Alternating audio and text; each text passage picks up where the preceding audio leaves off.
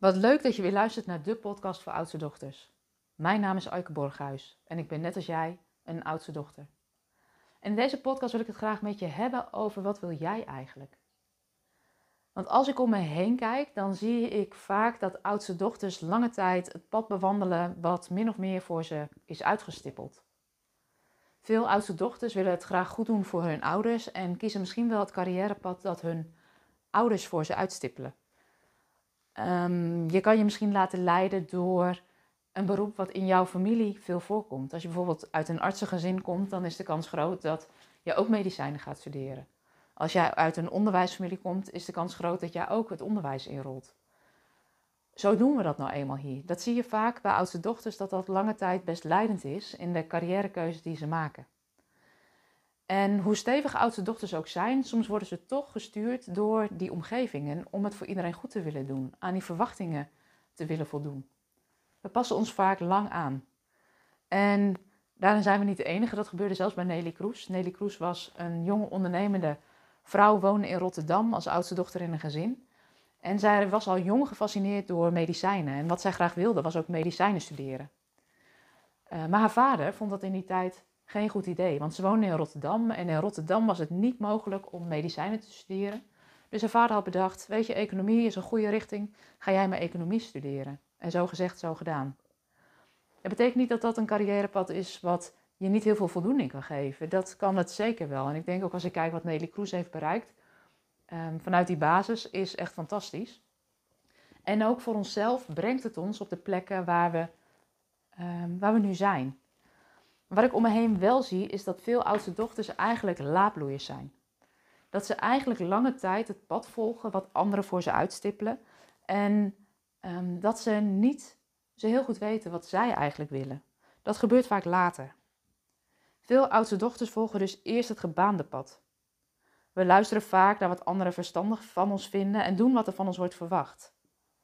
En tegen de tijd dat iedereen gelukkig is, verzorgd en op eigen benen, dan komen we op een gegeven moment weer aan onszelf toe.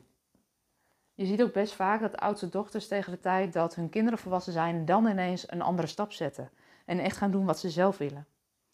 Dat ze dan de ruimte voelen voor eh, dat verlangen wat dan een tijd in je sluimert.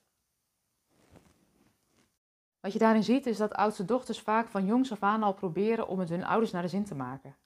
En dat ze dus wat meer tijd nodig hebben om hun eigen pad te volgen dan andere kinderen in het gezin.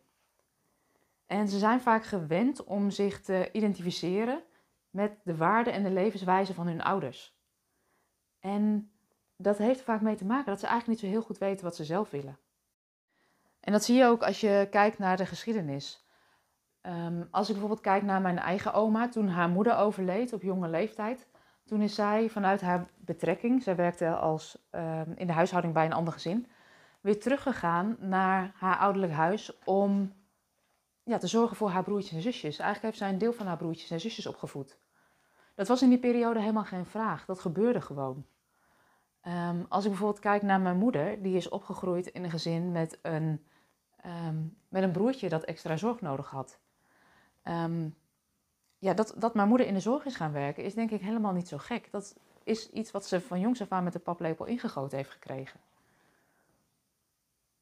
Wat je ziet bij veel oudste dochters is dat ze eerst zorgen voor alles en iedereen. En pas tegen de tijd dat dat gedaan is, dat ze toekomen aan zichzelf. En als je je vaak zo hebt aangepast aan wat anderen willen, dan weet je vaak ook helemaal niet zo goed wat jij eigenlijk wil. En dat is iets wat ik ook zie bij veel van de oudste dochters bij, met wie ik werk, is dat ze vaak een lange tijd carrière stappen volgen die logisch zijn.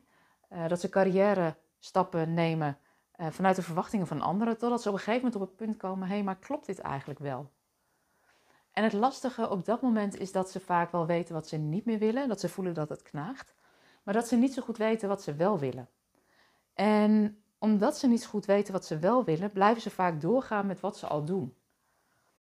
Daar komt bij dat oudste dochters het altijd goed willen doen, willen voldoen aan de verwachtingen van anderen. En vaak zijn dat niet eens verwachtingen die uitgesproken zijn. En wat je daarin ziet is dat uh, de weg die oudste dochters bewandelen daarin wel eens wat omslachtig is. En dat is ook helemaal niet erg, um, want ook alles wat je tot die tijd gedaan hebt, heeft je gevormd tot wie je nu bent. Die kwaliteiten neem je ook met je mee. Uh, maar ik denk dat het belangrijk is voor oudste dochters om stil te staan bij wat wil ik nou eigenlijk? Wat ik oudste dochters daarin vaak zie doen, is dat ze met name op onderzoek uitgaan in hun hoofd. Dat ze gaan nadenken over wat mijn volgende stap is.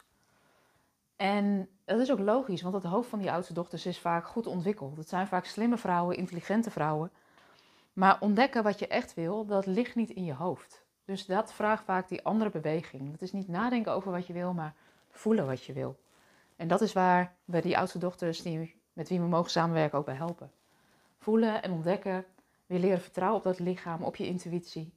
En van binnenuit ontdekken, wat wil ik nou eigenlijk? Mocht je nou voelen dat dit ook een proces is wat jij aan zou willen gaan, een ontdekkingsreis, wie ben ik, wat wil ik, weet dat je van harte welkom bent en uh, we denken graag met je mee. Um, wat je zou kunnen doen is dus een mailtje sturen naar info.oudstedochter.com en dan kunnen we een afspraak maken waarin we eens met je meekijken. Waar sta je nu? Waar zou je naartoe willen? En wat is er voor nodig om te ontdekken wat je eigenlijk wil?